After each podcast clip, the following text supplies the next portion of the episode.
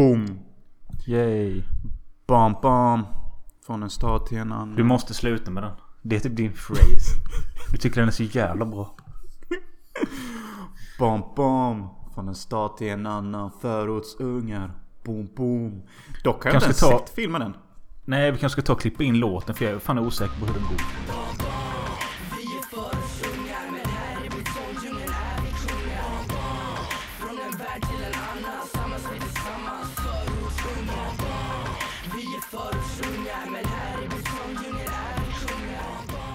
Ja, och det är vi två förortsungar här som ska fira in det nya året med en liten nyårspodd.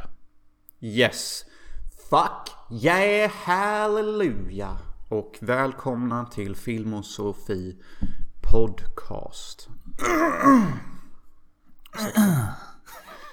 F- Filmen, eller jag menar podden, som är mer än bara, Än bara en film. och en filmpodd. Yes. Ni har Och när vi ungefär- spelar in detta så är klockan tre på dagen den 31. Mm. Och jag tänker att tre eller precis gränsen. Eller det finns folk har säkert supit för flera timmar. Men jag tänkte börja nu i alla fall. Med Wow. en Sofiero 7,5. Wake in fright tomorrow. Eh, ingen öl jag hade köpt frivilligt. Utan det finns en historia bakom detta. Och det är att eh, häromdagen så hade jag min andra poddkollega här och vi drack upp alla mina öl jag skulle ha till nyår. Och jag sa till honom på kvällen att visst jag bjuder men då får du fan se till att jag har öl på nyårsafton för det kommer vara stängt. Och jag, jag har ingen bil, jag har inget körkort. Vi får fixa det. Mm. Så vi drack upp alla mina öl och en hel flaska Exante. Sant, Eh. sant är päronslikören. Ja, Den var Men- länge sedan. när jag vaknade upp så mådde, mådde, mådde jag piss. Ja, du, Konstigt. Eh, men Två timmar efter jag vaknat Då kommer han med en påse med öl och en helt ny flaska päronlikör. Sant det? Ja. Exakt sant det? Ja. Okej men, men alltså han... Eh, han showed up liksom?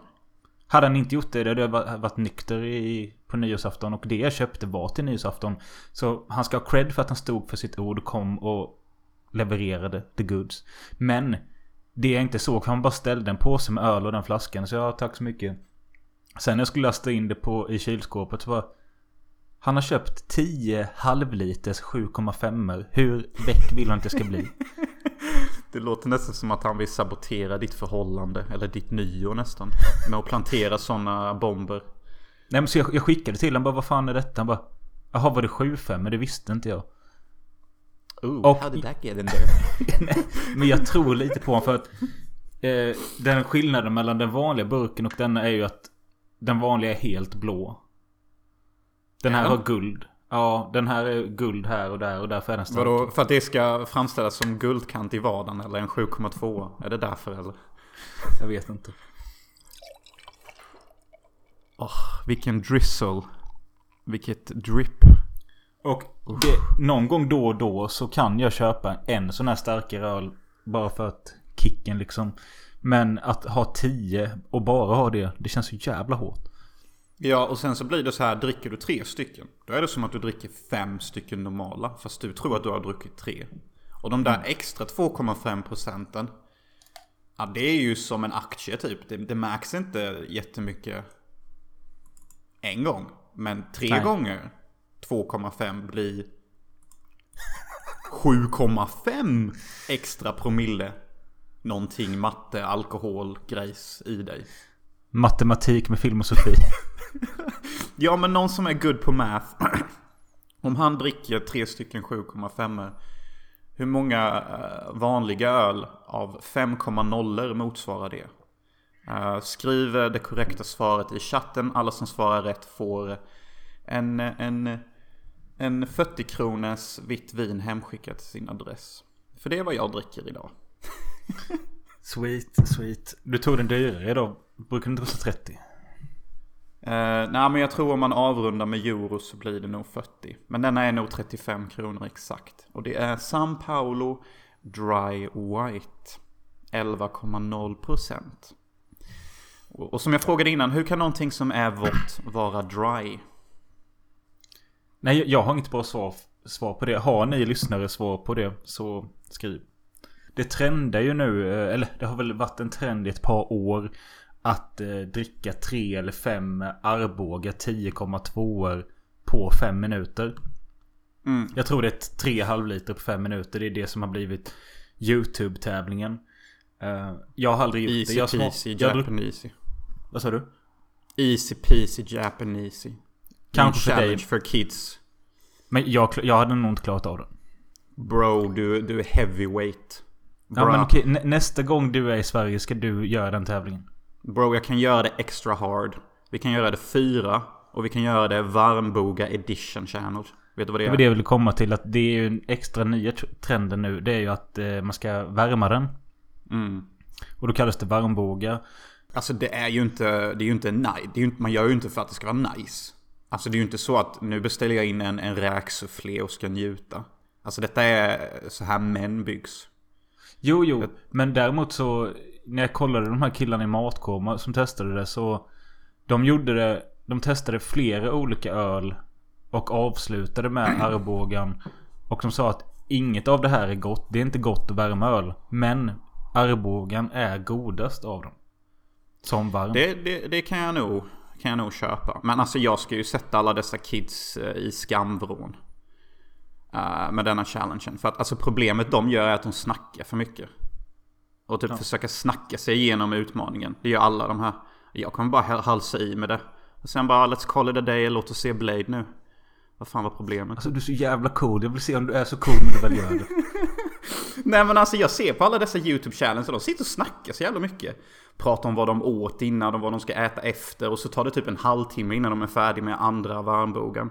Bra, bra, bra, bra, bra, bra, bra, bra. Jag kommer ihåg tiden på eh, Fame TV som var ett svenskt eh, YouTube-community. Eller det var som ett svenskt YouTube.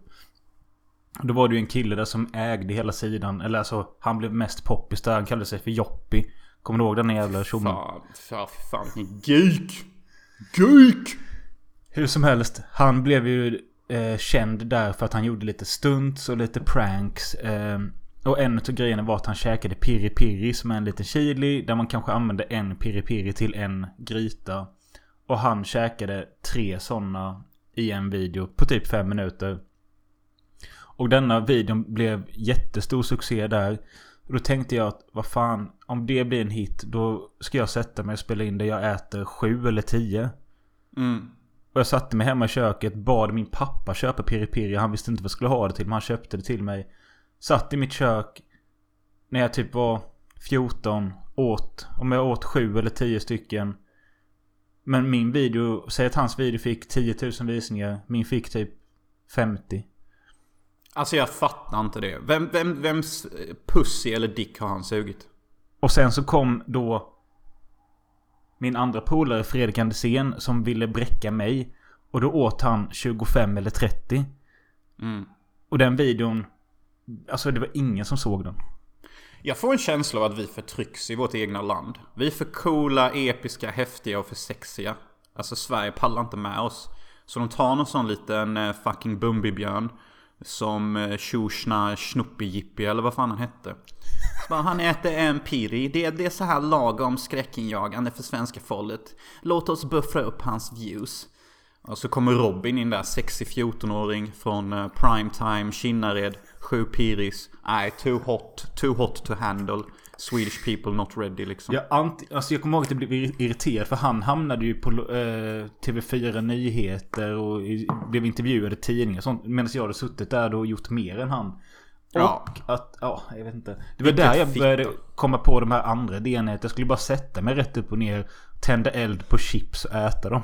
Ja, det var jättemäktigt. Alltså vi hade ju mäktiga idéer och du, du hade ju också många mäktiga idéer. Ja, tända eld på chips. Alltså den tycker jag du bör göra igen. Du kan göra dina tända eld på chips så tar jag fyra varmbogar. Uh, challenge samma dag. Ja. Men alltså, alltså, alltså detta är så slående. Du, du är värsta så här hardcore stuntman. Men du förtrycks. För, för är så här lagom stunt. Jag är så här hardcore, gör zombiefilmer, action, folk som skjuts i kuk. Nej, censurera, klipp bort, ta bort. Så vi är två sidor av olika mynt, men i Sverige accepteras vi inte. Alltid samma story. Ja. Och likadant med den här podden. Ja, ja, ja. Eh, Ja, eller hur, eller hur. Men alltså denna podden kommer ju bli legendarisk till slut. För så fort eh, arken kommer, alltså syndafloden, ni får bara hänga med i metaforerna här. Eh, till slut kommer ju folk bara shit, 300 avsnitt av eh, två halvdekadenta svennar. Mitt liv är fixat. Ja, jag ska smaka lite till på den här. Hur är det? Hur är det att dricka en eh, 7,5? Hur känns det när du klunkar? Alltså, jag försöker tänka på att den inte är vad den är. Men på något sätt så smiter den här spritsmaken igenom. Alltså det är, det är inte så gott. Nej, de där extra 2,5 procenten gör så jävla mycket. Ja. En polare skrev att jag skulle köpa 3-5 och blanda med det. Men det känns som att det blir ännu värre av någon jävla anledning. Ja, det där känns lite perverst om man frågar mig. Ja men alltså kom igen. Alltså nej, alltså det kommer bli något konstigt så här. Det är ju olika humle från olika processer. Och så ska de blandas. Det blir typ så här. Ja, jag vill inte använda ordet men. Det blir rasförorening. I ölen. Men, men eh, jag, jag kan ju hoppas att det är så att det, det här första är liksom bara en tröskel komma igenom. Sen de andra nio, de kommer vara en resa ner i fördärvet. Mm, mm, mm. Tacka vet jag Elk Bro. Fy fan vad lätta de är. 7,5 också. Uh, Ja. Det bästa jag vet är att bara frysa ner fyra stycken hardcore snabbt. Sen typ dricka dem som att det vore... Ja varför inte bara säga dricka dem som att det vore öl? För det är det enda man kan dricka hur mycket som helst, hur snabbt som helst. Det, det går ju inte att dricka något annat på samma nivå som öl. Det är faktiskt konstigt det där. Man kan ju inte säga dricka som vatten. För dricker du vatten i samma hastighet som öl, då, då dör du. Vilket jag tycker är rätt roligt. Men vi ska ju eh, sammanfatta året lite och eh, rangordna en del grejer vi har sett. Och jag tänkte vi kunde börja med någonting redan nu. Eller jag kan väl Ja. säga så här. Kan, en liten sammanfattning för podden överlag. Det är att vi släppte 28 avsnitt. Eh, vilket är bättre än vad vi borde gjort i och med... För att jag... Nej, vänta nu ska jag säga så jag inte säger fel. För när vi startade året, vårt allra första avsnitt vi gjorde, det var Rick Mayall och Aid Edmondson. Eh, Nej, vad sött. Och där kom vi på den här nya idén, eller jag styrde väl det. Men jag sa att från och med nu ska vi släppa ett avsnitt var tionde dag. Mm. Eh, Så det blir liksom, skitsamma vad det blir. Eh, Men det har vi inte riktigt hållit. Men däremot både i oktober och under sommaren så släppte vi mer avsnitt än vad vi borde. För det blev de här sommarspecialen. Sen i oktober så blev det en jävla massa skräckavsnitt. Mm. Så det blev 28 vanliga avsnitt och sen blev det 8 fredagspoddsavsnitt. Och Fredagspodden var något vi drog igång där vi bara skulle kunna trycka på rec och snacka vanligt svammel utan film. Mm. Eh, Det har väl runnit ut lite i sanden med men det är liksom Man ska ha tid för det och vi sa inte att vi skulle göra det vid några speciella Alltså hur ofta det skulle komma utan det fick komma när det skulle komma Mm. Och, och, och nyckelordet är att ha tid för det. För att jag har mängder med idéer. Men det, det, liksom, det finns inte tid för det. För att jag måste gå till ett slaveri. eh, alltså kasinot då. Ja eh, jättemånga dagar i veckan för att underhålla mig själv. Hade de timmarna varit fria och jag hade samma inkomst. Alltså då hade jag typ aldrig lämnat Filmosofi. Då hade jag typ haft på live när jag sitter och, och röker joint och bara kollar på film och bara kom in joina. Och utöver de här 28 avsnitten och 8, 8 fredagspoddar så gjorde vi även 12, 12 Patreon-avsnitt Så nice. Äm, tycker man det har varit snålt med de vanliga avsnitten så får man bli Patreon. Då har man ju 12 episoder till. Eh, några där i början höll vi på med nostalgisk filmografi. Men sen har resten blivit extra avsnitt. Eh, vi kanske får ta upp det där med nostalgisk filmografi igen tills vi kommer i mål med det. Ja, men alltså anledningen till att vi tog en paus för det är för att nästa gång vi hugger tag i film, eh, alltså nostalgisk filmografi där vi går igenom roliga filmer vi gjort. Det är ju Röd familj som är på G. Och Röd familj. Det är ju liksom vad Gudfadern önskar att den var. På någon nivå. Ja. För alltså, Röd familj är bättre än Gudfadern. Och jag vet att du innerst inne tycker det också. Du tycker Ja. det är mer underhållande, mer episkt, mer roligt, mer allting. Men eh, ti- till podden såg vi 65 filmer. Ja. Eh, och jag tänkte vi skulle börja med de fem bästa vi inte hade sett tidigare. På min plats nummer fem har jag skrivit Fair Game. Har du med den? Nej, det har jag inte. Men den, jag har med den som en honorable mention. Jag gjorde faktiskt en liten sån. Så jag gjorde. Så på, den är med på min honorable mention-lista. För att den har en fantastiskt fucking slutlåt. Ja, det har den. Men detta var ju den här australiensiska filmen vi pratade om i samband med Tokyo Drift av någon jävla anledning. Eh, och eh, det är en sån här Ospitation som känns lite... Ja men lite bortglömd. Men är värd att kollas in. Ja. En vacker... Jag vill inte använda ordet vacker, för det är hon inte. Hon är sådär typiskt 80-tals snygg. Fattar ni vad jag säger? Jag tror så, det. så. Så tre män jagar henne, hon dödar dem med ett spjut typ. That's the movie. Skitbra sång på slutet. Tre män och en kängurubaby. Just det ja. Kängurubä. Ja just det. Ja. En liten kängurubaby dör också. Nej men vilken kul eh, femma eh, du hade faktiskt. Eh, och den är jättesevärd.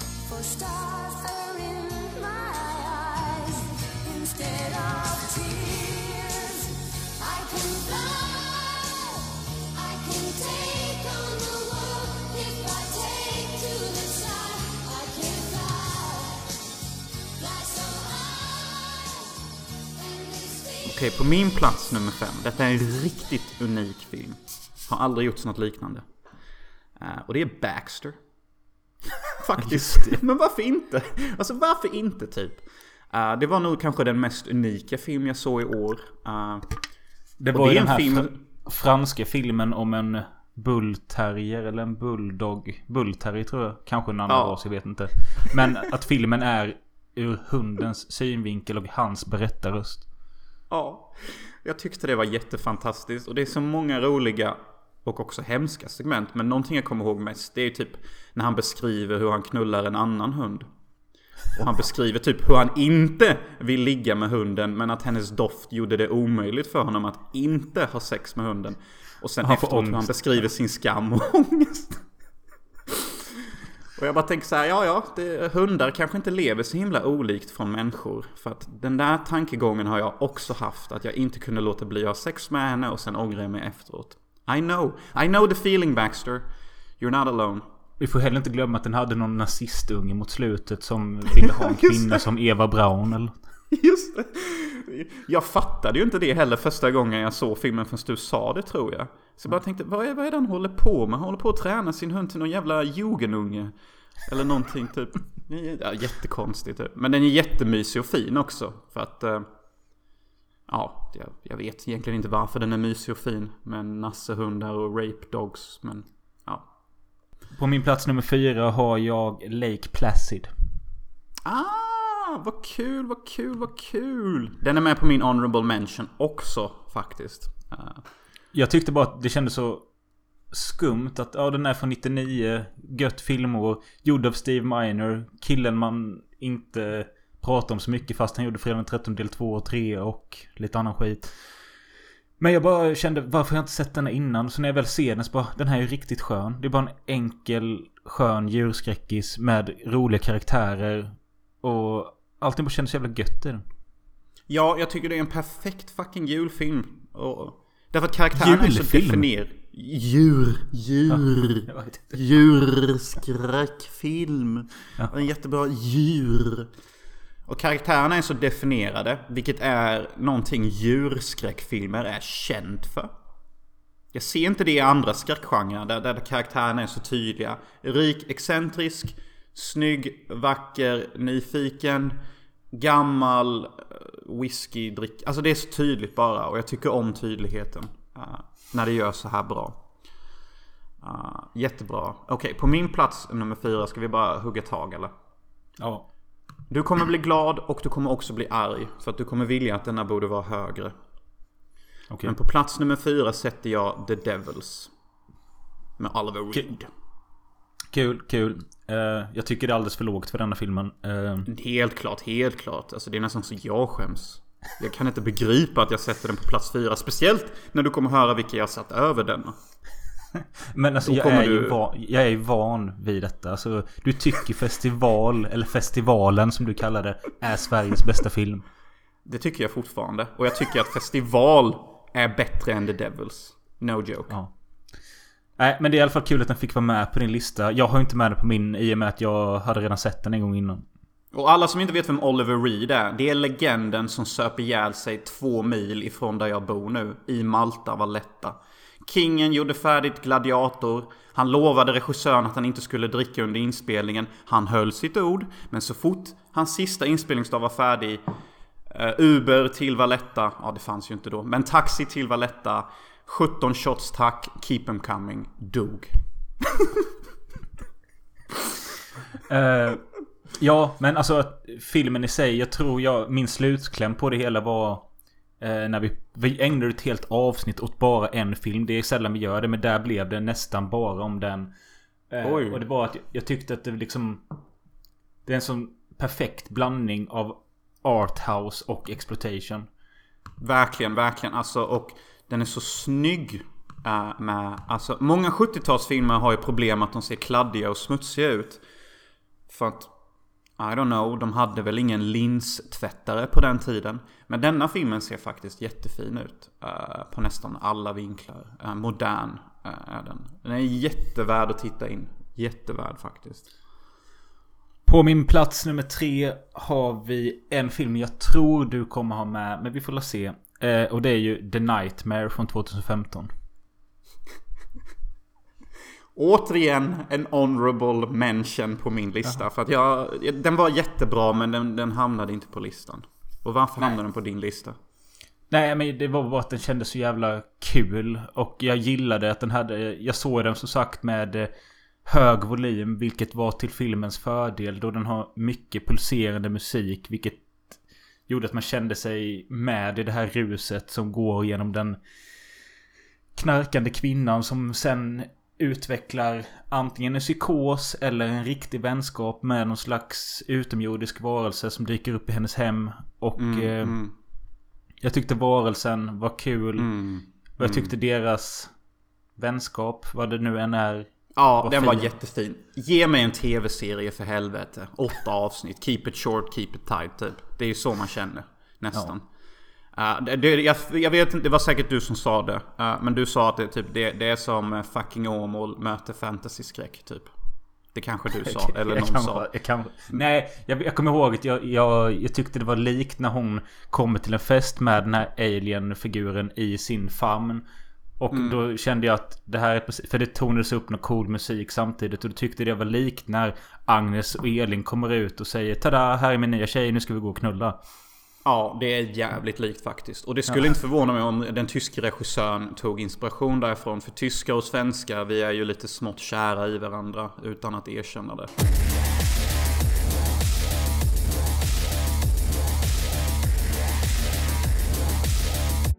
Min nummer tre är, och denna kommer du ogilla att jag satt så högt. Eh, Du, du kommer hata. Men jag tyckte denna var jättefin, denna filmen. Och det är faktiskt Drop Dead Fred. Med Rick Malley. Okej. Ja, det var ju filmen. Jag är fan osäker på om jag såg klart den ens. Eh, det var ju det här till vårt första avsnitt för i år. Med Rick Mayall och Aid. Eh, och vi skulle se. Vi såg ju Bottom. Vi såg Filthy Rich and Catflap och Young Ones. Och den här filmen då. Drop Dead Fred. Där Rick spelar någon slags låtsasvän. Eller, Rick Malley är någon slags eh, interdimensionell fantasyfigur. Eh, likt han eh, från Det, It. Eller Mary Poppins. Eh, de tillhör samma ras. Och han lär en ung flicka typ att eh, ta vara på sitt liv. Det är en barnfilm för vuxna kan man nästan säga. Och Rick Malley är Rick Malley. But...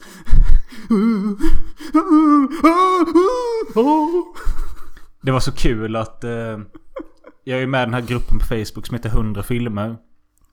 Där man ska se 100 filmer det första halvåret av året och sen ska man se 100 filmer det andra halvåret. Eh, eh, var det en kille som skrev några rader att han hade sett Filthy Rich and Catflap och eh, skrev lite vad han tyckte om det och The Young Ones Bottom. Då passade jag på och så skrev, eh, länkade jag vårt avsnitt och skrev att vi poddade om de här herrarnas karriärer tidigare i år och så la jag länken där. Mm. Det, detta hände för en vecka sedan. Avsnittet vi gjorde var ju i januari. och den här killen svarade. Eh, jo, jag hörde detta och jag stördes av en del tolkningar och felaktigheter. Så det var den man skrev. hur, hur, hur svensk kan man vara?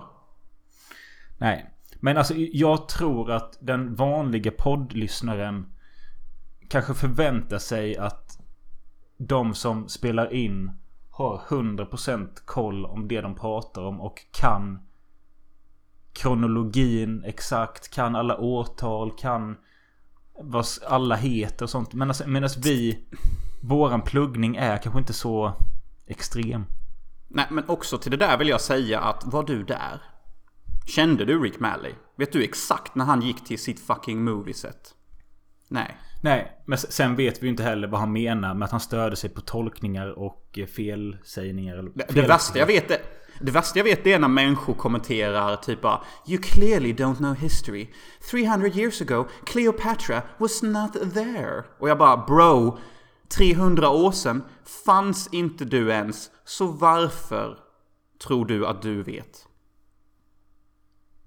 Nej, Bruh. det är sant. Eh, innan, vi, går- innan vi går in på de två bästa kanske vi ska hoppa till det sämsta. Yes, fuck yeah. Eh, Börja, ska jag börja för du började innan? alltså jag har skrivit ner fyra stycken. Eh, Okej, då får du men- börja för jag skrev bara ner de två värsta jag sett. Uh, Ja, och det var de men som jag sett det, är lite så här. Jag skrev ner Do the right thing för att den var som besvikelse. Och det är ju den som är den mest hyllade av de vi har sett som jag tyckt varit sämst. Mm. Och Do the right thing, det, är, det handlar ju om den här... En svart ort i USA. I utkanten av New York. 50 svarta människor.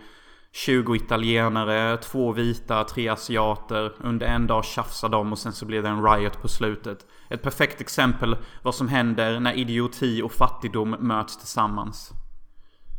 Ja, jag vill inte prata mer om den. Men eh, Nej, kör, du du, kör du en. Ja, ja, det, ja den förtjänar typ vad det är för den är inte så bra. Okej.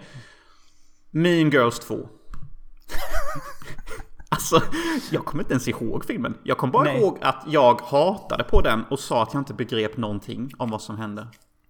Alltså jag blev lite så här förvånad med när jag såg att just ja, den såg vi. Ja, det är därför den är med på listan. Och det är andra gången jag såg den. Men shit. Och Vet du vad nej, det handlar om? Nej, jag vet inte. Jag vet inte vad den har för koppling till första filmen heller. Det går inte att fatta någonting. Det är ren Eh, pers.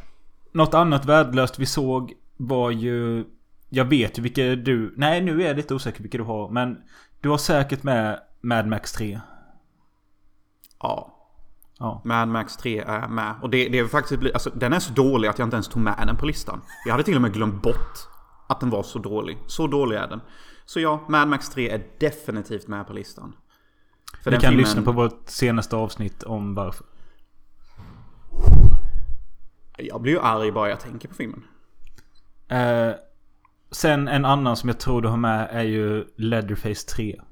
Nej, Oh, Leatherface ja. heter den bara. Leatherface. Leatherface. Nu tror jag min eh, asiatiska inneboende kommer komma. Så vill ni höra lite klassiskt eh, anime-ljud, lyssna nu.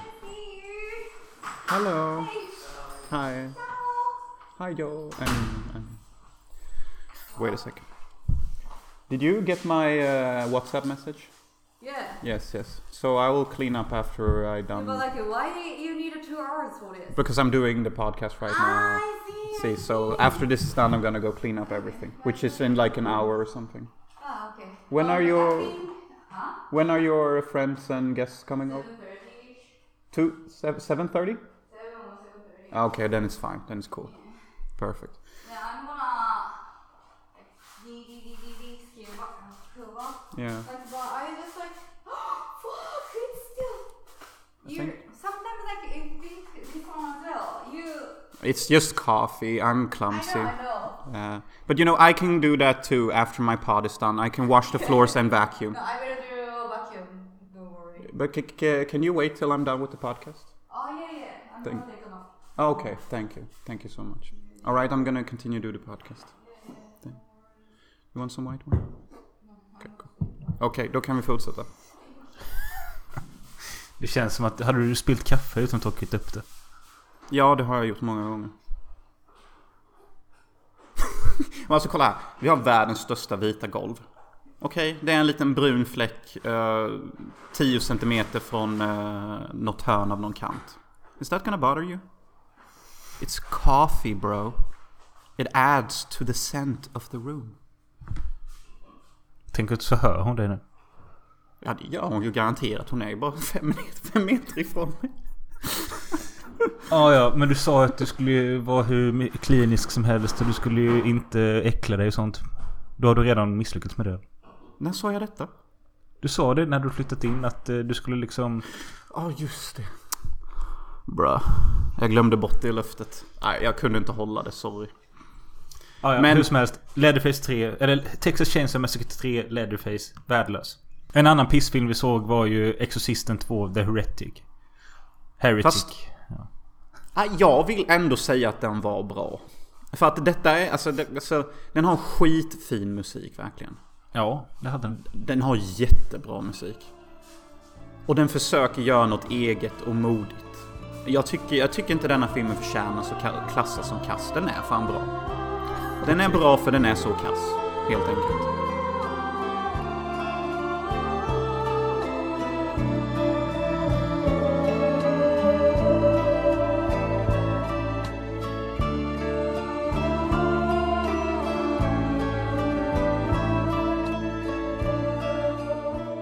Men då hoppar vi tillbaka till de bästa och eh, på min plats nummer två Då har jag skrivit Slapshot. Slapshot är med i min honorable mentions faktiskt. Eh, nej men jag... Jag gillar ju Paul Newman. Jag tyckte bara det var... Just de här sportkomedierna vi såg. Det var liksom lite som en frisk fläkt att se liksom... Nästan enbart ljusa filmer. eh, och... Men- eh, den... Eh, ja men den var bara jävligt god. Alltså det jag älskar med Slapshot det är att den... Det är en sån här klassisk 70-talsfilm. Män som dricker kan inte spela ishockey så de beslutar sig för att slåss på isrinken. Och de har eh, kärleksbekymmer och pojkvänsbekymmer och... Nej, du, du beskrev den så jävla bra. Den är bara så jävla skön. Och för dig som älskar ishockey. Om inte du har sett den här filmen. Du lever inte ditt liv till fullo. Det gör du bara inte. Du har, du har missat out. A lot. För vi som inte ens är särskilt intresserade av ishockey uppskattar den. Det borde ju, om man... Om det inte går varvet runt där att man tycker att filmen är åtlöje mot sporten. Kanske. Jag vet inte. Jag tycker typ inte det för att alltså Alla som jag har mött som älskar ishockey I hemlighet älskar de alla fighter också För när man pratar med ishockeyfantaster De pratar typ inte om vem som gjorde bäst mål eller snyggast mål Oftast är det Åh, kommer du ihåg när de började veva mot varandra och de, de kastade av sig handskarna typ Det var helt wild på isrinken Ja, jo. Och detta tar mig perfekt in på min eh, Nummer tre är det va? Två. Två. Den näst bästa filmen jag såg i år är också en ishockeysportsfilm och det är Goon. Jaha, du hade den där istället. Ja, exakt. Och, och den är ju typ som Slapshots uh, systerbarn. Remake typ. Ja. Ja, nästan. Goon med, vad heter han från American Pie? Sean William Scott. Sean William Scott Stifler i huvudroll. Som är en security bouncer. Men får jobb eh, i ett ishockeylag. Som basically fighten i ishockeylaget. Du är inte med för du kan spela, du är med för du kan ta fighter. Och den är typ som Rocky fast på isrinken. och därför älskar jag den så mycket. Den är, den är typ nästan exakt som Rocky. Det är samma stämningar, samma mål, samma idéer typ fast jag är en ice hockey player. Jo, men jag tyckte också den var jävligt god. Synd, alltså jag blev lite... Det finns ju två uppföljare tror jag. Men jag har inte sett dem än. Jag har hört att de ska vara svagare. Men... eh, Ja. Ja. Men det, det, det som jag tycker främst är hållbarheten i Goon det är att den har sköna fighter. Ja, Ja, ja. riktigt Han sköna pucklar fighter. på dem så utav helvete. Ja. Och det skvätter blod. Ja, och det, jag tycker det är så kul typ för att hans motståndare i det andra ishockeylaget, han har ju fattat att han inte är ishockeyspelare. Så han, han ser ju strictly detta som att han är boxing champion. Och, nej, den, den, är, den är jättekul. Skit, skit, skithärlig, skithärlig. Men vilken är den bästa du har sett i år då? The ultimate Den bästa till, till podden. Tåls att Ja. tilläggas. Just det kan vara så att vi har samma film här. Men jag är inte säker. Men det är i alla fall Vänta, Henry vänta, vänta. Po- Portrait of a Serial Killer 2. Eller Henry 2 Mask of Sanity. Jag vet inte. Jag flippar typ ur. För det är min samma också. Det är så himla kul i denna podden. Vi brukar alltid hata samma film och älska samma film. Allt emellan brukar vara så jävla olika. Men vad vi älskar och hatar, that's where we meet. Ja. Nej men den var också sån jävla överraskning. Liksom att Ja, jag, ja. har sett, jag, jag sett första Henry en massmördare jättemånga gånger. Ja. Det var bara något år sedan jag fick reda på att det finns en tvåa som inte är riktigt officiell men den finns. Och så när vi skulle göra det här temat sunkiga uppföljare. Då tänkte jag vi kör den ihop med Mean Girls 2 och American Psycho 2. Och de två sistnämnda är ju sunkiga på riktigt. Men den här Ja. var ju bra på riktigt. Den var helt, helt sanslös. Helt fenomenal. Helt blew me out of the fucking park. Alltså den är inte direkt välgjord. Den är jätterisig. Skådespelarna är inte direkt heller underbara. Men den har sån mood. Den har sån vibe. Den har sån feeling. Den är så lätt att komma in i. Åh, alla mod är så himla sjuka också. Mitt favoritmod är ju det där modet med den här stackaren som bara går och tvättar deras jävla bilruta. Och Henry går ut och typ pucklar ner honom som att han är Jet Li typ. Men just Och han- det, det starkaste är som du säger stämningen att eh, det här känns lite som att vi tar den lokala halvalkisen som inte mår så bra. Och så får han göra den här rollen. Ja, och han får bara göra det så bra han kan. Ja. Men han gör det helt fucking wonderful. Och, och, och hans kompis som är någon jävla... I don't know, trailer trash, fatty, alcoholic. Han är också helt underbar. Han bara joinar ju honom på hans killing streaks och... alltså, Han är så jävla smutsig och rolig bara. Men det, det är väl där med det blev oväntat brutalt och äckligt att han drar av någons huvud va? Ja, Halshuggar han inte någon? Ja. Ja, eller och så, så tänder han eld på sin kompis och låter honom brinna upp i huset och massa sånt. Just det, det är mycket med eld han gillar. Ja, och, och det är så många random mod överallt. Och jag tror till och med någon kommenterar det typ att bara Fan vad vi har mördat höger och vänster typ. Vi får typ lugna ner oss. Och Alltså Henry har ju zero chills i denna typ. Ja. Ja. Alltså, han mördar vem som helst alltså. Och gör det ste- Denna skådespelaren är för duktig också. Han har stoneface och... Det är så Ja, kul den med att eh, jag ägde ju sen innan eh, första Henry på Blu-ray. Men sen så kom ju det svenska bolaget Njuta Films och släppte Henry på svensk Blu-ray.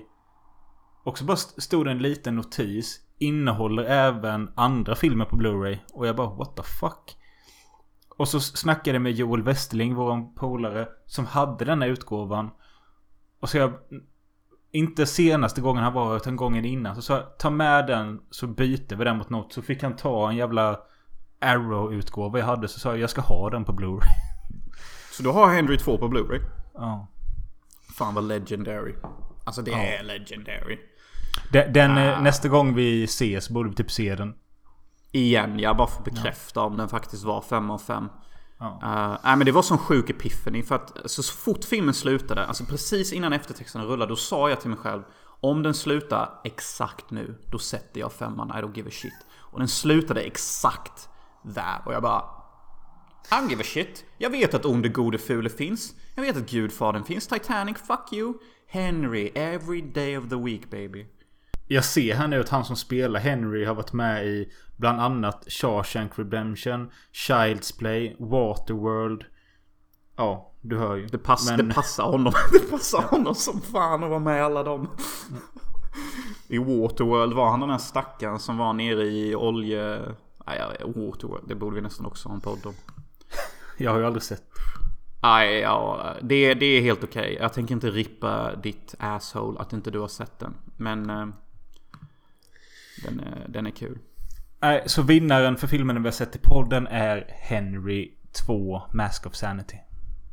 Yes. Så den typ den risigaste uppföljaren genom tiderna vinner priset av bästa filmvisor 2023. Till Wow. podden. Till Eh, podden. Men jag har ju även skrivit ner en lista utöver podden. Du har det. Jag skrev bara ner tre, tre filmer som jag tyckte var riktigt nämnvärda som jag har sett i år. Ja, och jag gjorde detta väldigt snabbt. Jag tänkte att jag har väldigt svårt att rangordna i huvudet. Så jag tog istället fyra extremt olika varandra filmer som jag tyckte varit jättebra. Okej, ja men det här blir spännande. Jag vill jättegärna höra. Ja, på plats nummer fyra har vi då eh, det holländska trillen The Vanishing. Även känd som Spore Loose. Som... Det kom en amerikansk remake några år senare av samma regissör. Som också heter The Vanishing. Remaken är med Jeff Bridges och Kiefer Sutherland, Sandra Bullock. Minns den som rätt jävla kass. Men det här originalet är riktigt bra. Jag har sett remaken på TV6 för 15 år sedan. Uh, Kan nog stämma. Det är med Obi-Wan fucking Kenobi va? Och Sandra Bullock. Jag sa ju nyss Jeff Bridges, Kiefer Sutherland och Sandra Bullock. Ah, ja, jag jämför Kiefer Sutherland med Obi-Wan fucking Kenobi. Men de är ju lite lika. Even McGregor och han. Nej, men jättespännande thriller som är unik på det sättet att vi får ganska tidigt i filmen reda på vem som är den onde och man får följa han. Alltså, en flicka försvinner från en bensinmack. Sen klipper vi till ett år tidigare. Där man får Han följa... letar fortfarande efter henne. Nej, alltså man klipper ett år bak i tiden där man får följa förövaren. Hur han förbereder sig för att kunna kidnappa en kvinna. Och de här förberedelserna är jätteintressanta att se för han är så detaljrik och han går igenom Han övar liksom hur lång tid tar det att söva en kvinna med kloroform. Så han testar på sig själv och däckar sådana saker. Ehm, Wow. Ja, det här är ju lite så här häftigt faktiskt. Och sen efter det hoppar vi fram kanske tre år och mannen till den försvunna kvinnan letar fortfarande efter henne. Han är besatt av tanken att få reda på vad som hände med henne. Mm. Samtidigt börjar den här förövaren skicka ut lite ledtrådar att... Och fucka med den här mannens psyke. Alltså den var riktigt jävla bra och spännande. Denna låter mycket bättre än remaken. Jag har sett remaken. Och remaken är exakt som du beskriver fast den tar bort förberedelserna av psykopaten. Ja, det ja, men jag vet också en annan grej om remaken. Och det är att den har ett helt annat slut. Som är så Holly- Hollywoodifierat att jag vill kräkas. Jag kommer bara ihåg att Jeff Bridges säger att jag var tvungen till att bortröva din fru för att kunna säga att jag är kapabel till ondska. Vilket jag bara tyckte var det dummaste jag hört en psykopat någonsin säga. Ja, eh, vad har du? Ah, Okej, okej. Jag har ju bara tre filmer som jag tyckte var bra. Men jag ska gå ner då. Eh, två manga-filmer kommer jag säga, men jag kommer bara säga en. Eh, och och eh, den tredje bästa filmen jag såg utanför podden var Only Yesterday. Faktiskt. En Studio Ghibli-produktion, eller vad fan man säger, från 1991. Man säger, det är, faktiskt, det är faktiskt lätt att säga för man säger bara Ghibli. Jaha, Ghibli. Och denna filmen hamnar på min lista för att detta är den snällaste, oskyldigaste, säkraste film jag har sett i hela mitt liv. Nalle Puh känns mer skräckinjagande än denna filmen.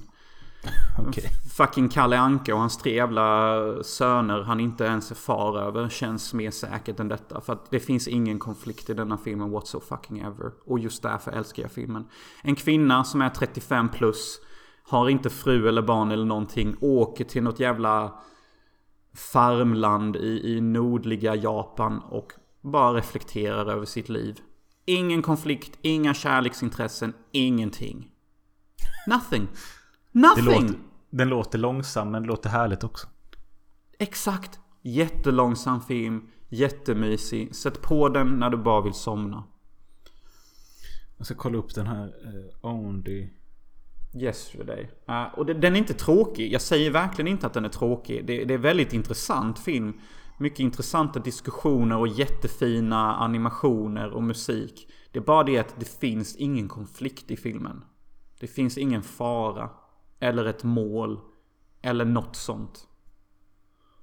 Och därför älskar jag denna filmen. För jag, jag tycker verkligen inte att filmer behöver ha sånt här för att vara bra. På samma tema har jag ju Your Name. Oh, bro, bro, bro, bro, bro, bro, bro, bro, bro, bro, bro, bro, bro. Det är min plats nummer två bästa filmer jag sett detta året också.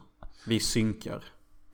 Eh, jag tyckte att... Eh, jag var väldigt skeptisk till... Jag är skeptisk till anime överlag. Eh, men så fick jag förstå att liksom, det här är inte massa monster och svärd och skrik. Utan det här är en ganska seriös historia.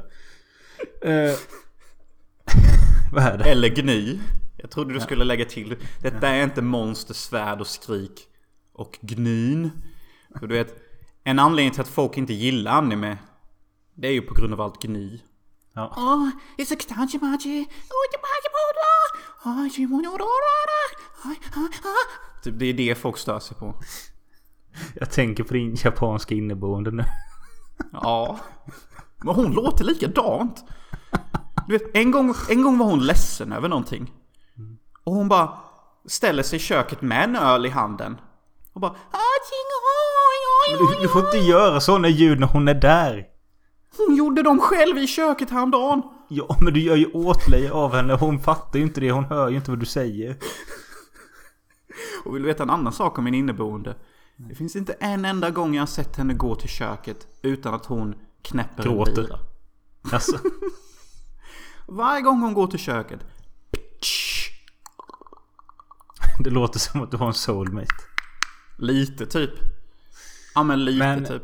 Nej men Your Name den var verkligen jättefin och eh, den eh, både visuellt och eh, storyn i sig.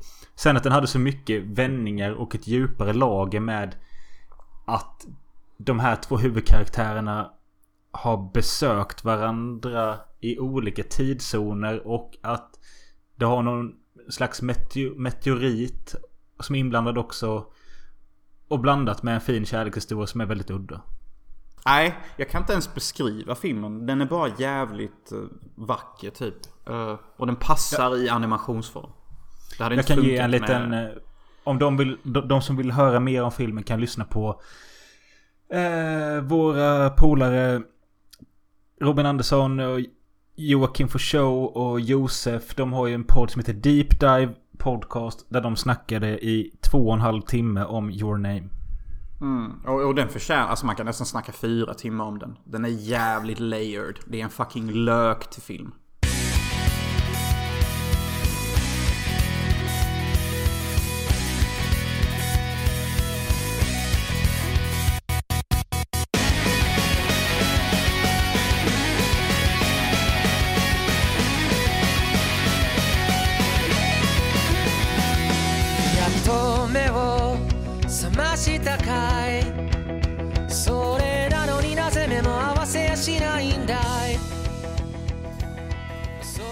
Eftersom jag hade en mer än dig så kör jag en till nu här emellan och det blir eh, Clown the Movie. Klon? Ja, precis. Ah, den borde nästan vara med på min lista också. Om det inte var för att jag sett den innan. För några år sedan. Alltså, jag... Det är lite sån här grej med att jag bara kände... Jag har ju känt till kla- eh, clown eller clown eller clown, hur fan man nu säger det, i många år för du har pratat om det. Mm. Men nu bara kom det av en slump. Jag fixade Seymour och så bara på första sidan stod det ny, nya komedier. Så såg jag den där. Jag bara, vad fan jag ser väl den. Och bara direkt när jag kände, såg det här handhållna dokumentära fotot och den absurda grova humorn så tänkte jag det här är gjort för mig. Ja men visst fan är det gjort för dig bro. Gjort för alla som gillar eh, alkohol och, och, och dekadens och, och, common sense och skön humor liksom. Och det kommer ju alltid vara den filmen som är känd för att han eh, sprutar sin styvmamma i ögat. ja. Till alla som inte vet är Clone en tv-serie, en dansk tv-serie. Som är baserad på två danska komiker. Eh, och de, de, de spelar sig själva i denna serien. En, en upplåst version av sig själva. Och, efter typ sex säsonger så gjorde de en film. Och i denna filmen Som då handlar om clown, Kasper som han heter. Och han kallas clown för han är en idiot och är en clown och fattar ingenting. Men ändå så är han skådespelare lyckad. Och hans polare säger så här typ Om du verkligen vill att din fru och flickvän ska tycka om dig. Då måste du göra pärlhalsbandet på henne. Och säger vad fan är pärlhalsbandet? Ja men alltså bro, det är när din flickvän ligger och sover. Då ska du gå fram och runka på henne. Och lägga din sats på hennes hals som ett pärlhalsband. Det kommer signalera till din flickvän att du är hennes för evigt. Och allt bråk ni har kommer rinna ut i sanden. Och eftersom han är en clown och en idiot så tror han ju på detta och tänker ja men visst jag kan väl göra pärlhalsbandet, jag måste ju ändå runka. Men han gör det ju samma natt som hans fucking svärmor är där, alltså mamman till hans flickvän. Och, och, så han kommer ju på hennes fucking hals mitt i sovrummet. Och det är ögat. Så kul. Och ögat. Och det är så kul där i sovrummet. Han bara... Ah, ah, ah, ah. Och sen så typ en, två sekunder senare hör man hennes... Ah, ah, ah. Och så bara... Ah, ex, onskuld, onskuld svärmar, onskuld. Frank din fucking clown, you jerked off on my mamma. Ja, och sen då den lilla detaljen att resten av filmen har ju svärmodern en ögonlapp. Men det är så, alltså, Ja, men också Hade- att det hela tiden kändes så här. Är detta okej det jag kollar på? För det är så mycket fokus på en 11-årig pojkes snopp som de fotar och driver med. Ja, de säger att den är liten och, och, och, och sånt och... Ja, och sen att i Men- slutet får man ju se den också. Ja, jag kommer inte ihåg, är den liten eller inte? Men vad, en pojksnopp är väl alltid liten typ? Ja, det är sant faktiskt. Okej, min nummer ett, och det, det, det känns jobbigt att jag säger denna som nummer ett. Och jag tycker nog egentligen inte det är den bästa film jag sett i år. Men det var en av de filmerna som påverkade mitt sätt att tänka mest i år. Och det är tyvärr Barbie. Oh my god. Mm. Denna skitfilm. Jag måste låta dig samla lite dina tankar för att jag håller på att pissa ner mig. Men jag är back in eh, typ 90 seconds. Okej. Förklara varför eh, Barbie är så jävla bra då. Alltså jag vet, ja, alltså, nu- kan jag inte knappt sätta ord på det. Nej, men alltså jag tycker det är konstigt att jag har ändå gillat Gre- Gre- Greta Gerwigs eh, två andra filmer. Det är ju Lady Bird och Little Woman. Eh, Båda de tycker jag var bra. Och så kommer hon med denna pissskiten. Som är dessutom skrivet tillsammans med hennes man Noah Bo- Noah, varför kan jag inte prata? Noah Baumbach. Som har gjort Squid and the Whale som jag älskar. Hur kan de här två skrapa ihop den här övertydliga skiten? Du, du säger övertydlig skit, men, men allt det jag, jag tog ut från filmen var, var inget annat som någon... Ja, men, om vi säger så här då. Säg inte att den är övertydlig. Säg att det känns mer som att jag kollar på en eh, föreläsning för eh, grundskolan. I hur världen ser ut och hur det borde vara. Och vad Vad menar du med jämlikhet... hur, hur, hur, du borde vara? För det var, det var, var allt detta jag inte fattade. För för mig handlade hela filmen bara om illusionen män och kvinnor sätter i sina egna huvuden av hur de borde vara för världen. Exempelvis Ken då, helt besatt av Barbie, måste ligga med Barbie, måste ha en flickvän. Utan flickvän är jag ingenting. Sådana saker. Eh, Och, fast nu, alltså nu när jag pratar om det och tänker på det, alltså varför tyckte jag om den så mycket? Men nu Ken kan jag inte för- förklara varför. Ken, Ken är ju född i Barbieland. Där kvinnorna styr, Barbie styr. Männen är ju bara ett objekt som bara finns där i vrån. Och Sen när han kommer ut i den Ja. riktiga världen. Då ser han ju helt plötsligt att Aha, det är män som styr denna världen. Och de har det asgött ju. Och då Ja. blir han... Ja, och det tar han ju med Det är ju sig typ hur kul som helst. är inte det lite kul när han går runt till alla män bara you, You're doing patriarchy. You're not, you're not serving the patriarchy. Alltså, det är ju lite kul. Alltså jag kan... Filmen var smålustig på sina ställen. Och jag tyckte om hur Barbieland var uppbyggt och hur, såg, hur det såg ut. Det var liksom häftigt visuellt. Eh, men sen som sagt det var mest som att se typ en föreläsning om feminism och jämlikhet. Fast på en sån nivå att jag... Eh, jag zonade ut. För jag tycker det bara blev repetitivt och såsigt. Och sen också att den kändes så jävla... Den hade liksom ingen riktig riktning. Nej, alltså nu när jag lyssnar på det, alltså jag är helt tom. Alltså eh, anledningen till att jag tyckte om det så mycket, jag, jag vet egentligen inte. Ja, men alltså, är, är, är du så, så pass ytlig och enkel att du tycker Margot Robbie är snygg? Jag har ju aldrig direkt sagt att jag tycker hon är vacker eller att jag tycker hon är en bra skådespelerska. Så det har ingenting med det att göra heller. Det var en kul grej dock att de eh, pausar filmen en gång och säger något i stil med att ja, Margot Robbie är ju gjord för den här rollen för att hon ser perfekt ut typ. Och det var det enda ögonblicket jag hatade. Jaha. Jag hatade det ögonblicket för att när hon... När, när Barbie, Margot Robbie, skådespelerskan, börjar gråta och hon säger allting är så jävla svårt. Det är den bästa gråtscenen jag tror jag sett i hela mitt liv. Det actinget hon gör där är så jävla believable. Och jag stör mig som fan på att de lägger en voiceover över det. Och jag skiter ifall Margaret Robbie har 100 miljoner till sitt namn. Du kan fortfarande ha ett jobbigt liv. Uh, nej men alltså, nej men alltså. Jag måste se den igen. Alla har sett Barbie. Jag tycker, jag tycker det räcker att du säger vad du sa. Istället för att jag ska försöka rädda filmen. Skit i detta typ. Jag, jag, jag, bara blev jävligt imponerad när jag såg den. Och nu kan jag inte förklara varför. Okej. Ehm, men ja, Margot Robbie och uh, Ryan Gosling är väl, gör väl det de ska bra. Den sista jag skrev upp som en, Uh, en av de bästa filmerna. Detta var ingen direkt ran, rangordning. Jag ville bara ta fyra bra och helt olika varandra filmer. Och det är Ebola syndrom. Uh, What?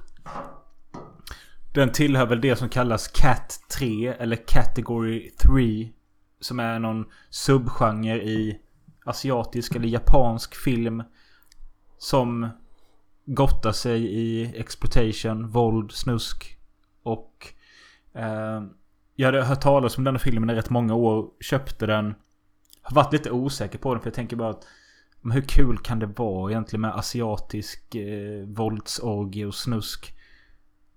Men alltså efter två minuter på denna filmen så var jag hooked för att den var så jävla rå och samtidigt rolig. Jag älskar den linen. Hur kul kan det vara med asiatisk våld och råsnusk? Hur jävla deprimerad som man måste man bli för att säga den meningen typ? Okej. Alltså taggar du en som tre modeller skulle komma hem till det? Alltså det är det man undrar typ. Nej men så här då. Eh, att se denna 2023 i PK-världen där allting är fel. Och så ser man en fil- film som liksom står för att göra allting så fel man kan. Det är bara så jävla beundransvärt. Okej, filmen är typ från 95 tror jag. Så det var en helt annan tid och det... Men alltså jag blev bara så glad över att den gick så långt som den gjorde hela tiden. Alltså visst blir man glad när man tittar på filmer innan PK-kulturen tog över. Jag vill bara trycka in den här om vi går tillbaka på tidigare poddar innan PK blev den nya nazismen. Jag tror att i år två av vår poddkarriär så säger jag någon gång under många poddars tid att PK-kulturen kommer bli den nya nazismen. And look where we fucking are. Ja. Men eh, skådespelaren Anthony Wong, han är ganska känd. Han har varit med i mycket amerikanskt också. Eh, han är bra och den är så... Det går knappt att beskriva den med ord för att den har... Den är så ljus hela tiden. Glatta, glada färger. Och ganska fruktansvärt innehåll. Dålig kvinnosyn.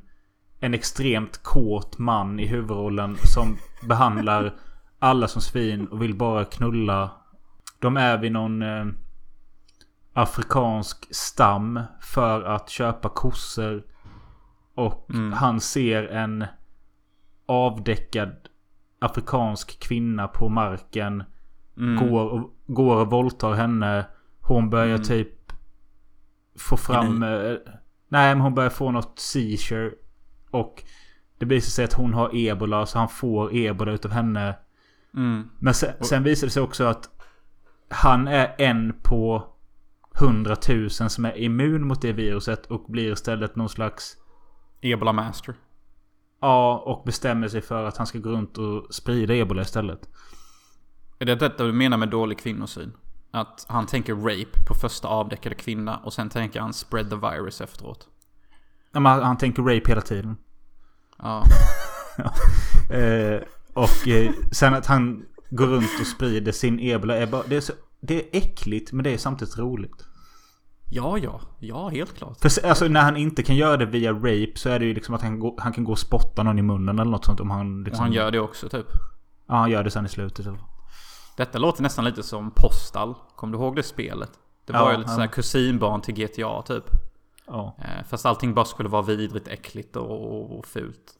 Jo, Låter men typ på. Ja, men jag skulle också kunna säga att hade det bara varit det så hade jag kanske inte tyckt om den lika mycket. Men när den samtidigt har humor och en faktisk, faktisk handling till viss mån. Den var bara perfekt. Wow. Och du menar det? Ja, jag menar det. Alltså, ska man, ska, man, ska man se något, om man är sugen så här bara okej, jag vill se något lite, någon skitig exploitation som är kul med polarna. Då vill man inte se något halvdant kanske, utan då vill man se något rejält och ordentligt som faktiskt håller hela vägen. Då ska man se den. Och man måste se något rejält och ordentligt. För du och jag, vi vet ju vad exploitation är och kan se eh, de olika nivåerna. Liksom Zombie Flesh Eaters av Lucci Flucci. Den, den, den skalar 4 av 5 på exploitation-skalan. Och den, den når inte upp till 5 för att den är inte överdriven. Den, den ser sig ändå som en seriös film. Det du beskriver, Ebola Syndrome Man, det låter ju som 5 av 5 exploitation. Men du, du var ju lite rädd för den för att du trodde att det handlade om sjukdom och mycket och din hypokondri och sånt. Men visst, det handlar en del om ebola. Men det är inte på den nivån tycker jag att du får liksom att det kryper i din egna kropp när du ser det. Utan för det är ändå ett virus som jag tänker att vi inte kommer bli drabbade av. Är viruset dött? är viruset Precis. dött? Det är allt jag undrar.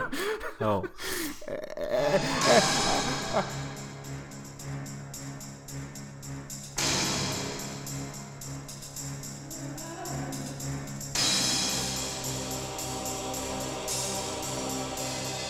Okej, men eh, några av de bästa omtittarna jag såg i år är Once upon a time in the West. Ursäkta, ursäkta, ursäkta. Innan du fortsätter. Med bästa omtittare menar vi filmer vi har sett innan. Men inte sett på länge. Men som vi tar en titt med vuxna ögon och tänker Wow! How could I be so blind? Precis. Fast jag tror folk fattar detta. Ja. Utan att jag beskrev det.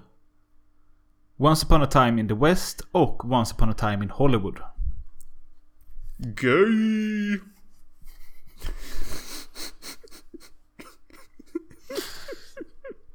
Speciellt sistnämnda Hollywood. Den hade inte jag sett sen jag såg den på bio 2019.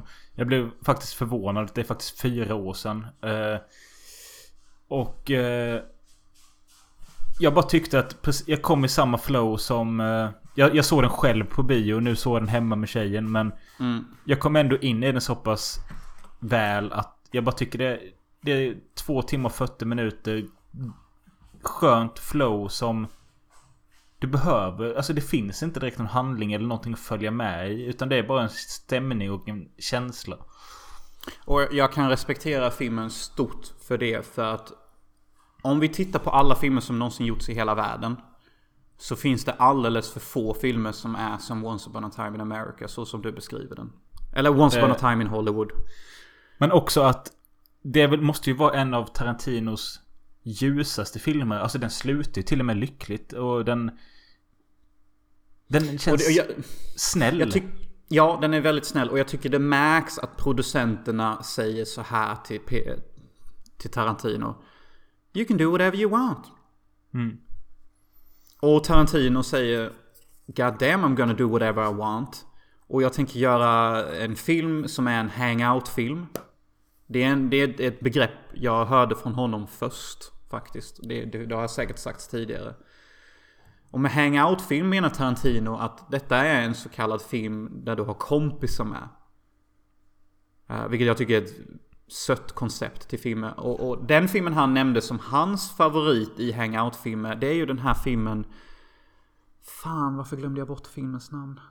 Det är med Ben Affleck och... och alright, alright, alright. Ja, Dazed and confused. Yes, tack, tack så mycket. Det hade blivit pinsamt annars som jag hade försökt komma på det. Men det säger han är den bästa hangout-filmen. Och vad han menar med det är att det är en film du kan sätta på.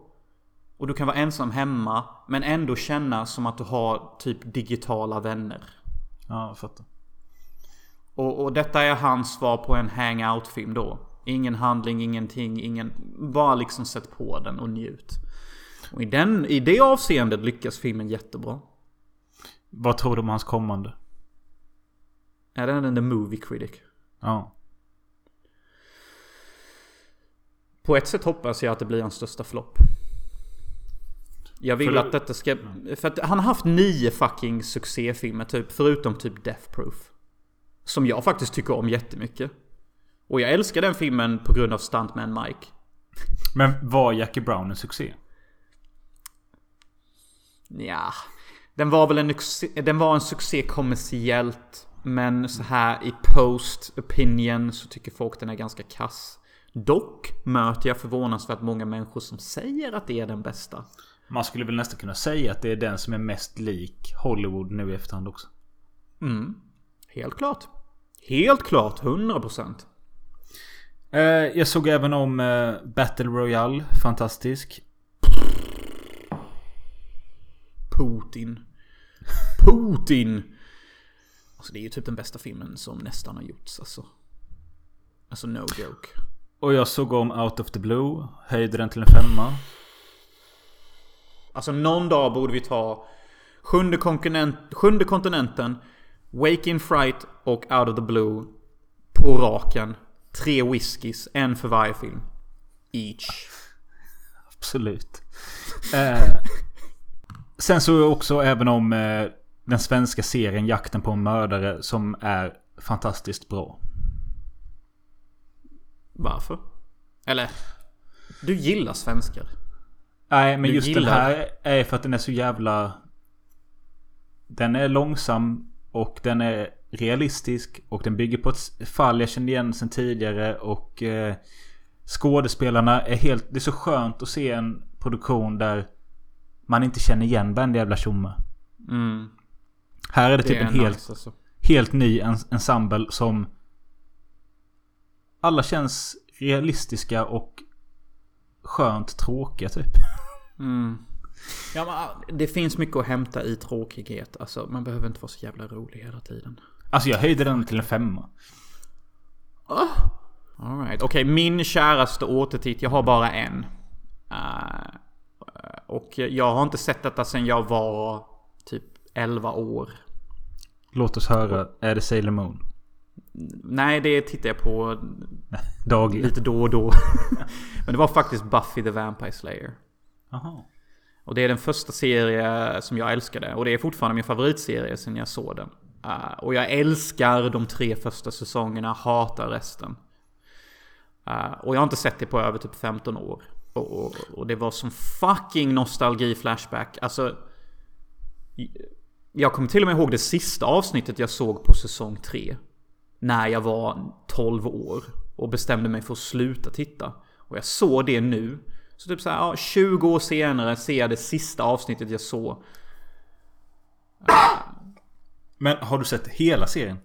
Nej, nej, nej, nej. Jag har aldrig sett hela. Jag, jag slutar alltid efter eh, säsong 3. För att efter säsong 3 så lämnar Buffy sitt högstadie. Och går ut i riktiga livet. Och jag har alltid tyckt att Nej, Buffy the Vampire Slayer ska vara liksom det här. Det ska vara i high school. Det ska vara flummigt, roligt och, och dumt. Annars tappar det hela charmen typ. För jag tror att för... Ja nu är det nästan 15 år sedan. Då laddade jag ju ner och såg säsong 1, 2 och kanske 3. Men sen blev det inget mer heller. Nej, det blir inget mer för det blir, för all, det blir alldeles för seriöst. Josh Whedon tar över och han är ett svin. Alltid ogillat honom.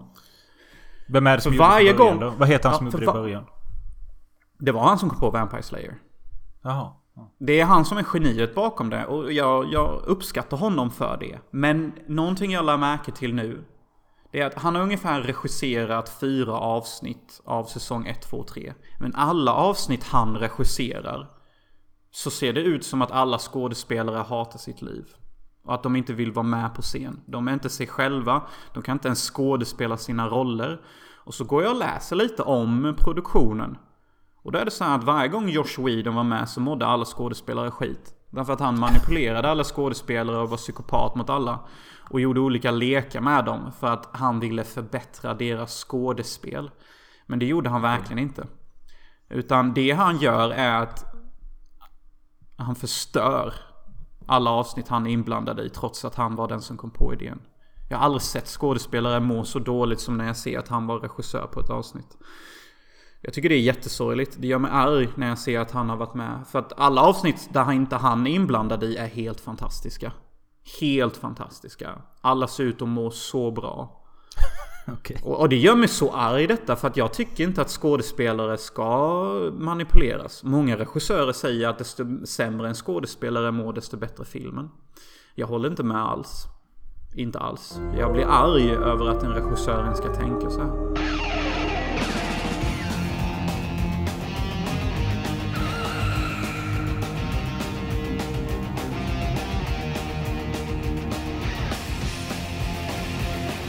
Låt oss gå över till våra personliga sämsta erfarenheter.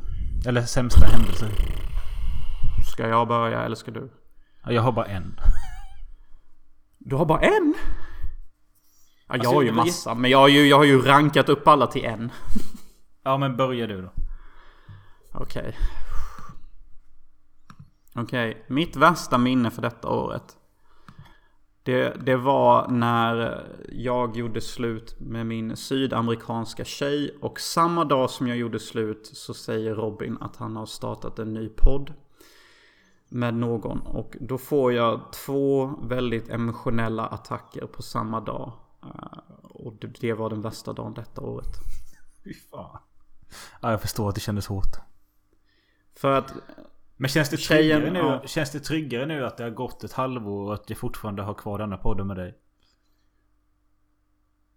Ja, det känns tryggare. Men den jätteparanoida personligheten jag har inom mig säger så här. Ah, han drar bara ut på det för att det inte ska verka så jävla uppenbart.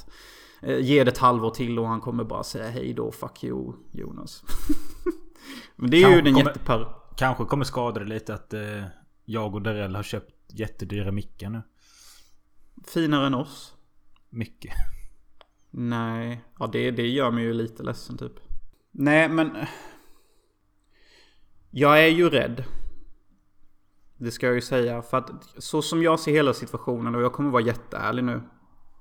Det är så här typ den podd som eh, vinner publikens hjärta först. Det är den podd du kommer prioritera. Oavsett om det blir eh, Darell eller mig så kommer du bara ta den podden som lyckas bäst. Och sen så kommer du bara glömma bort den andra personen. För att det är den kapitalistiska världen och så är jorden uppbyggd. Men rädda situationen då. Du startar en podd med Darrell. Nej, Nej men alltså nej men alltså. Det spelar ingen roll om jag hade haft en podd eller noll podd eller tre poddar. Alltså jag kör på så länge någon lyssnar och jag själv tycker det är någorlunda kul. Ja, men om vi säger så här då. Du och din Darells podd börjar dra in 10 000 kronor i månaden medan vår podd fortfarande drar in 0 kronor. Då är det ju ganska uppenbart att du kommer bara säga Fuck you Jonas, nu fokuserar jag på Darells podd för vi kan uppgradera de här 10 000 till 100 000 i månaden. Och med dig kan jag inte det. Och eftersom detta är en kapitalistisk värld och vi lever på att ekonomin alltid måste rulla in för att ha ett välmående. Ja, då får ju Jonas bara ryka då helt enkelt. Eller Darell om det går åt andra hållet. Fy fan vad deep och sorglig du är. Men eh, ja, jo kanske. Men detta är ju priset för att ha en överaktiv hjärna liksom. Du är ju otroligt jävla smart och skarp. Men du vandrar ju ner i, i kaninhål kanske för långt innan de ens har anlänt. Men detta är ju tänka på- framtiden. Lite av en av de sämre grejerna jag gjorde i år var ju Den andra poddsatsningen jag gjorde det var med svenska filmpoddarna. Där jag gjorde två avsnitt och sen bara sket i det. Vadå, var du anställd eller något? Nej men jag gjorde ett eget projekt ju där jag skulle intervjua andra filmpoddar. Ja. I hoppet att få de poddarna växa och att få Film och Sofie att växa samtidigt. För att jag tänkte att de här poddarna kan dela vidare vår, det här intervjuavsnittet med den podden. Men jag gav ju upp efter två avsnitt. Har du redan glömt detta? Nej, jag kommer ihåg lite detta. Men eh, det var ju typ i mitten av året någon gång. Ja. Så ja, så, men- så tänker jag på hela denna situationen. Och, och det, det spelar ingen roll om du sitter här och säger att nej men Jonas, alltså vi kommer alltid göra podd. Vi har varit vänner så länge och det är kul, visst. Du säger ju bara så nu kanske. Nej men så här då. Nej men så här då. Jag tror att Det är inte säkert att Filmosofi Podcast lever för alltid. Men jag tror alltid att du och jag kommer göra något eh, form av kreativt eller något gemensamt projekt. Ja, alltså det måste vi göra eftersom jag alltid är ute i världen. Och håller Ja. på. Typ. Eh, så.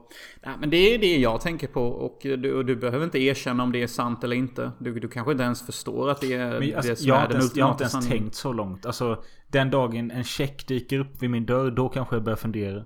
Exakt. Och jag tänker ju alltid steget längre. Och som jag sa innan tidigare i podden.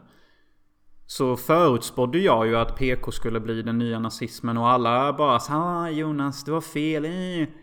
Men jag hade ju inte fel. Jag var bara steget före. Och Har du något mer som är hemskt? För detta året? Ja. Eh, ja. Min katt dog. Vilken katt? Min... Vad hette han? Sigge! Jag kommer, jag kommer klippa det segmentet där. Det är slutet.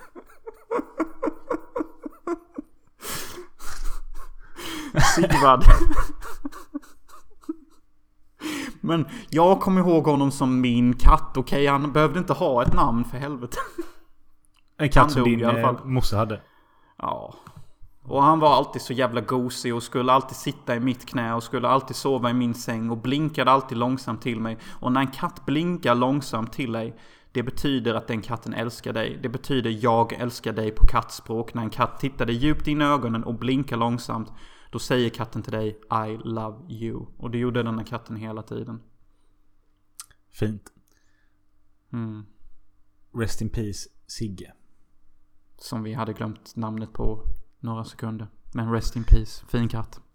Eh, en annan grej jag har är ju att det var en riktig besvikelse att se Metallica. Eh, Uff, nästan hårdare än att min katt dog. nej men alltså det var... Varför var det en besvikelse? Jag spelade de inte Onde, Gode, Fule och skit? Jo det var nice. Eh, Det var det enda eh, positiva. jag, jag tror inte jag var tillräckligt taggad. Och sen så var det så mycket dåliga låtval. Eh, och att jag kanske till och med kört sönder. Alltså för det första så Metallica har aldrig varit med på min typ topp 25 bästa band. Utan de har varit längre ner. Men att inför den här konserten så lyssnade jag igenom alla deras album. Alltså nästan mer än en gång tror jag. Och det var så jävla mycket skit. En del gött. Och sen så när jag väl var där så bara orkar jag höra mer Metallica. Och så, så bara kör de typ låtar jag inte ens bryr mig om. Ja, det köper jag. Skittråkigt. Men om, om vi bara ska rädda upplevelsen lite. Vad var det som ändå gjorde att det var lite värt det? Ja men alltså det är alltid gött på att vara på konsert och speciellt, eh, ja men... Nej fast det, det är ju inte heller, jag är inte heller fan av, av att gå på de här stora arenorna. Detta var på Ullevi, jag kommer inte ihåg hur mycket personer det var, om det var 30-40 tusen. Jag tycker det är bättre att gå på ett ställe där det är tusen pass. Ja, jag håller ändå med lite. Jag håller ändå med lite. Men det var väl kul att vara full i Göteborg igen. Okej, ska jag gå över till bästa minnet här då? Absolut bästa minnet. Det är, en, det är ett fint minne. Och eh, bästa minnet jag har från detta året det är Random fransk tjej skriver till mig. Vill du möta mig på stranden efter mitt arbetsskift? Jag säger ja och vi har the fuck of the century en timme senare i min lägenhet. Efter att ha nästan haft sex på stranden. Klockan sex på morgonen.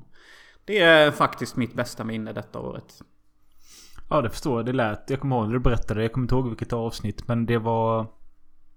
Det var intens.